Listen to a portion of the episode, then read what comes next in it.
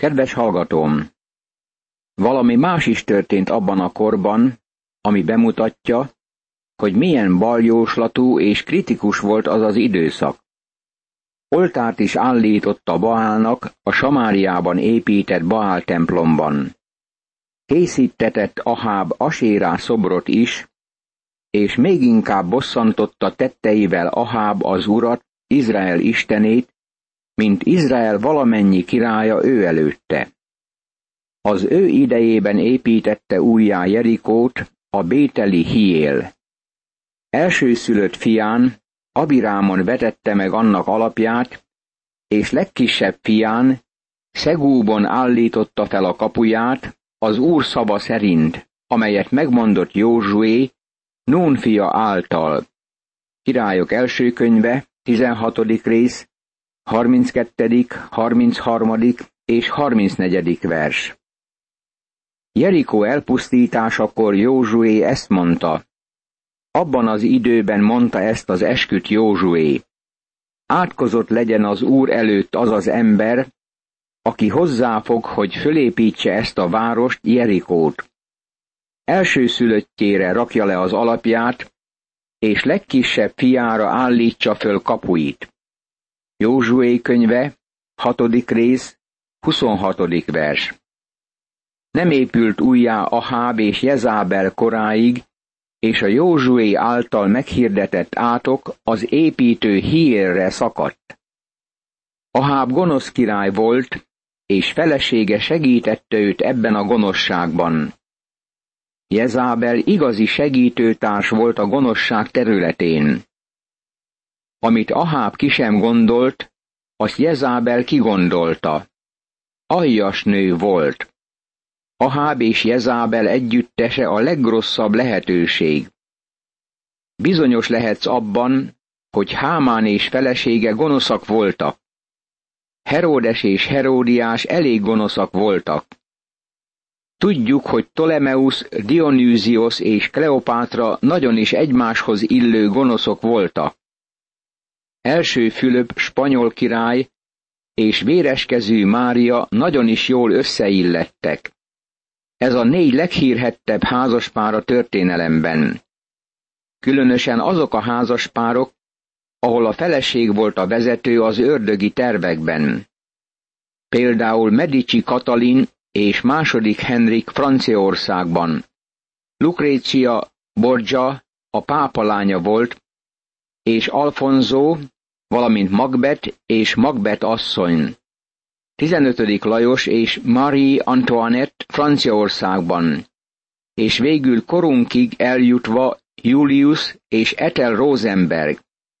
Mindezek a házaspárok kiemelkednek a történelem lapjain, mint a gonoszság tervezői, de egyikük sem szárnyalta túl Ahábot és Jezábelt. Ők vezették a listát. Jezábel egy olyan királynak volt a lánya, aki szintén Baál papja volt, és megölte testvérét. Érdekes megjegyeznünk, hogy Jezábel azt jelenti, hogy férjezetlen, vagy össze nem illő. Más szóval, Aháb és Jezábel házassága nem szerelem alapján történt. Az csupán együttélés volt. Nyilvánvalóan sohasem találkozott a két személy az igazi szeretet kapcsolatban. Jezábel férfias nő volt erős intellektuális hatalommal és kegyetlen szenvedéllyel a gonoszra. Erős akaratú, uralkodó típusú személyiség volt, de nem volt erkölcsi érzéke. Teljesen megkeményedett az érzéketlenségben. Gátlástalan volt, és a leggonoszabb személy lett a történelemben, akinek nem volt párja. A jelenések könyvében az Úr üzent a tiatirai gyülekezetnek. De az a panaszom ellened, hogy eltűröd Jezábelt, azt az asszonyt, aki profétának mondja magát és tanít, és eltántorítja szolgáimat, hogy paráználkodjanak, és bálványáldozati húst egyenek. Jelenések könyve, második rész, huszadik vers. Jezábel uralkodó és hatalmaskodó asszony volt. Krisztus ezt az üzenetet adta a tiatirai gyülekezetnek, mert ebben a korszakban nem volt természetes vonzalom az emberekben egymás iránt. Ez Jezábel bemutatása volt. Mikén boldogult Jezábel és Aháb együtt? Azt hiszem nagyon könnyen. Éveken át jártam fiatalok konferenciáira. Nagyon érdekes volt, hogy egymáshoz nem illő fiatalok kezdtek egymásnak udvarolni. Így történt Ahábbal és Jezábellel is. Isten embere is jelen volt abban a korban, amikor Aháb és Jezábel ült Izrael trónján. Olyan embernek kellett lennie, aki elég bátor volt ahhoz, hogy szembeszálljon velük. Istennek volt egy ilyen embere. Ez Illés próféta volt, az egyik legnagyobb ember, aki valaha megjelent a Szentírás lapjain. Valószínűleg ő az az ember, aki majd visszatér a földre, hogy bizonyságot tegyen az utolsó napokban. A jövendőlés alapján vissza kell térnie. Illés bemutatása történik most a legdrámaibb módon, itt a királyok első könyve 17. fejezetében. Illés elmegy Aháb és Jezábel udvarába, és nagyon bátor kijelentést tesz. A Gileádban lakó tisbei Illés ezt mondta Ahábnak. Az élő urra, Izrael istenére mondom, akinek a szolgálatában állok, hogy ezekben az esztendőkben nem lesz sem harmat, sem eső, hanem csak az én szavamra. Királyok első könyve, 17. rész, első vers.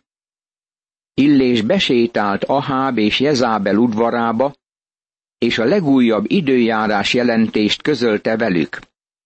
Megmondta, hogy nem lesz eső, csak az ő szava szerint, majd eltávozott a városból. Nem akart egy szót sem szólni ezen kívül. Kiment a királyi udvarból éppen olyan drámaisággal, mint ahogy oda besétált. Azt hiszem, Aháb és Jezábel megdöbbent, mert sohasem álmodták, hogy valaki ilyen vakmerően merne szólni a jelenlétükben. Rá kell jönnünk, hogy Illésnek az a szokása, hogy kimondja, ami a szívén van. Az a benyomásunk, hogy Illés szikár kemény ember volt. De itt valami mást is kimondhatunk felőle. Istennek ki kellett képeznie ezt az embert. Istennek mindig megvolt a módszere arra, hogy embereit felkészítse főként azzal, hogy elvigye őket a pusztába. Emlékszel rá, hogy ott edződött meg Mózes. Isten kivezette Ábrahámot a káldeai úr városából, és olyan országba tette, ahol nagyon zord körülmények uralkodtak. Isten ezt tette keresztelő Jánossal. Pálapostól legalább két évet töltött az arábiai pusztában. Isten az ő embereit ilyen módszerrel készíti föl. Most illést viszi oda, és számos leckét tanít meg vele, ami nekünk is tanulságul szolgál. Ezután így szólt hozzá az Úr igéje. Eredj el innen, menj kelet felé, és rejtőz el a kerít patak mellett a Jordántól keletre. Királyok első könyve, 17. rész, második és harmadik vers. Isten megmondja Illésnek, hogy menjen el egy távoli országba, amilyen messzire csak lehet. Ezért elment a pusztába, és egy kis patakhoz érkezett. A patakból majd ihatsz, a hollóknak pedig megparancsoltam, hogy gondoskodjanak ott rólad.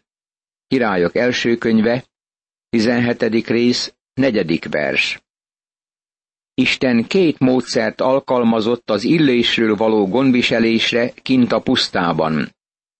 Az egyik volt a patak, a természetes eszköz. Annak vizét kellett innia. A másik természet fölötti eszköz volt. Hollók mentek oda, és táplálták a prófétát. Illés ott maradt egy kis ideig, és aztán a patak kezdett kiszáradni. Egy idő múlva azonban kiszáradt a patak, mert nem volt eső az országban. Királyok első könyve, 17. rész, 7. vers.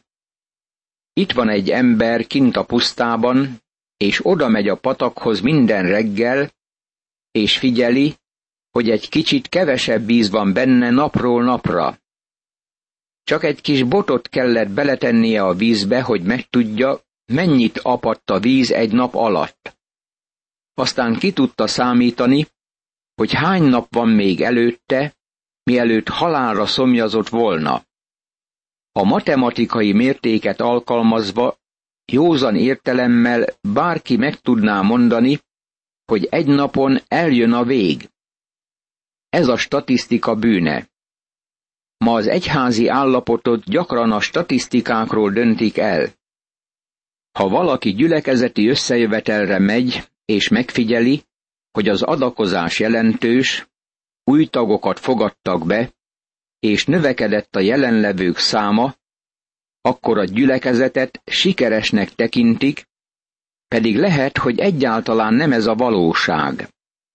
Egyszer hallottam egy prédikátorról, aki felállt egy gyülekezeti megbeszélésen, és ezt mondta. Előhívjuk pénztárosunkat, és jelentést kérünk tőle, hogy megtudjuk, mi a status quo a mi gyülekezetünknek. Az egyik tag felállt, és így szólt. Lelkipásztor testvér, nem tudjuk, hogy mit jelent a status quo.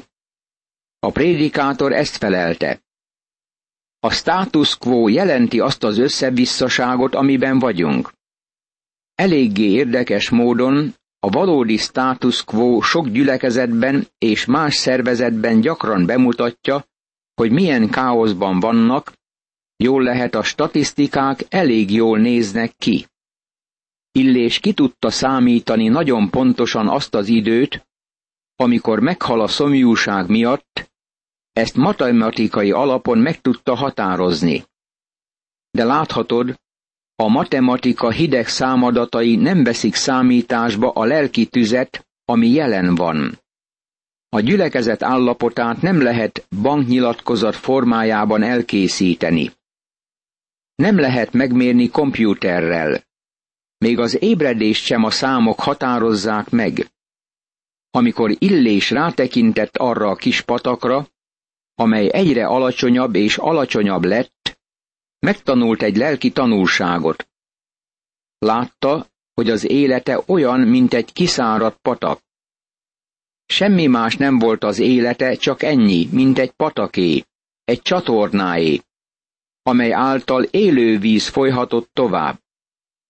Az Úr Jézus Krisztus mondta, aki ebből a vízből iszik, ismét megszomjazik, de aki abból a vízből iszik, amelyet én adok neki, soha többé meg nem szomjazik, mert az a víz örök életre buzgó forrássá lesz benne. János evangéliuma, negyedik rész, tizenharmadik és tizennegyedik vers. Néha ezt az éneket énekeljük. Tégy engem áldássá. De azt gondolom, hogy az éneklők fele sem tudja, hogy mit jelentenek ezek a szavak. Ezek azt jelentik, hogy üres patakhoz hasonlítunk, és nincs bennünk az élet vize. Az egyedüli életvize Isten igéje, amely átfolyik rajtunk, hogy csatornái legyünk az áldásnak.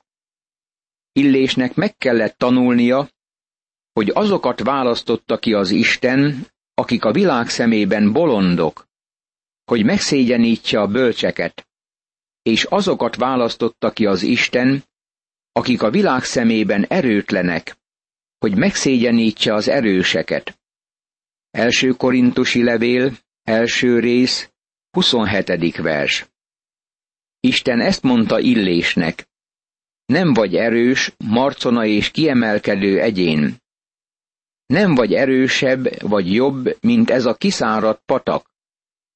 Nem lesz erőd, amíg az életvize át nem folyik rajtad. Azt mondják Hudson Taylorről, hogy amikor készítette a fiatal misszionáriusokat a szolgálatra az ő misszió helyén, ezt hangoztatta. Gondoljatok arra, hogy amikor ide kijöttök, akkor semmik vagytok. Csak Isten tehet általatok érdemes munkát. Egy fiatal misszionárius ezt válaszolta. Nehéz nekem elhinnem, hogy semmi vagyok. Hudson Taylor így folytatta. Fogadd el hittel, mert igaz, hogy semmi vagy. Mi kiszáradt patakok vagyunk, ha csak Isten igéje át nem árad rajtunk. Aztán Isten áthelyezte illést. Ekkor így szólt hozzá az Úr igéje. Kelj föl, és menj el a Szidónhoz tartozó sareptába, és lakj ott. Én megparancsoltam ott egy özvegyasszonynak, hogy gondoskodjék rólad. Fölkelt tehát, és elment sareptába. Amikor a város bejáratához érkezett, éppen ott volt egy özvegyasszony, aki fát szedegetett. Oda kiáltott neki, és ezt mondta. Hoz nekem egy kis vizet valamilyen edényben, hadd igyam. Amikor az elment, hogy vizet hozzon, utána kiáltott, és ezt mondta. Hoz nekem egy falat kenyeret is magaddal. De az asszony így felelt. A te Istenedre, az élő Urra mondom, hogy nincs honnan vennem. Csak egy marékliszt van a fazekamban, és egy kevés olaj a korsómban. Éppen most szedegetek pár darab fát, hogy hazamenve ételt készítsek magamnak és a fiamnak. Ha azt megesszük, azután meghalunk. Királyok első könyve, 17. rész, 8. verstől a 12. versig. Miután az özvegyasszony elmesélte történetét, Illés azt mondta neki, hogy menjen haza és süssön kenyeret. Biztosította őt arról, hogy nem fog meghalni. Illés azonban ezt mondta neki, ne félj, csak menj, és tégy úgy, ahogyan mondtad. De előbb készíts belőle egy kis lepényt, és hozd ki nekem. Magadnak és a fiadnak csak azután készíts. Mert így szól az Úr, Izrael istene. A lisztes fazék nem ürül ki, és az olajos korsó nem fogy ki, míg az Úr esőt nem ad a földre. Királyok első könyve, 17. rész, 13. és 14. vers. Illés és az özvegyasszony együtt látta meg, hogy üres a lisztes fazék, de minden nap megtelik, és együtt énekelték a hálaéneket. Isten fenntartotta őket egy üres lisztes fazék megtöltésével. A fazék olyan termékeny volt, mint a legjobb gabona és kukorica termő vidék a világon. Itt Illésnek egy másik leckét is meg kellett tanulnia. Ez üzenet neked és nekem is, amit jó figyelembe vennünk. Mi csak üres, lisztes fazekak vagyunk. Sokat hallok ma az odaszenteltségről, hogy át kell adnunk talentumainkat az Úrnak. Barátom, mi semmit sem ajánlhatunk fel Istennek. Volt egy mennyegző a galileai Kánában. Mi volt a legfontosabb azon a mennyegzőn? Vajon a menyasszony ruhája? Nem. Az, hogy volt ott néhány üres víztartó edény. Az úr megtöltette azokat vízzel, és azután ő szolgáltatta a vendégeknek a legfinomabb frissítőt. Ez volt a fontos a mennyegzőn. Barátom, csak üres lisztes fazekak és üres korsók vagyunk. Semmik vagyunk, amíg az élet vize és az élet kenyere be nem tölt minket. Mivel nem ismerjük fel ezt, ezért lelki bemutatót tartunk sok gyülekezetben ebben a korban. Azok vallásos összejövetelekké válnak, és nincs több lelki élet bennük, mint amennyi egy futballmeccsen.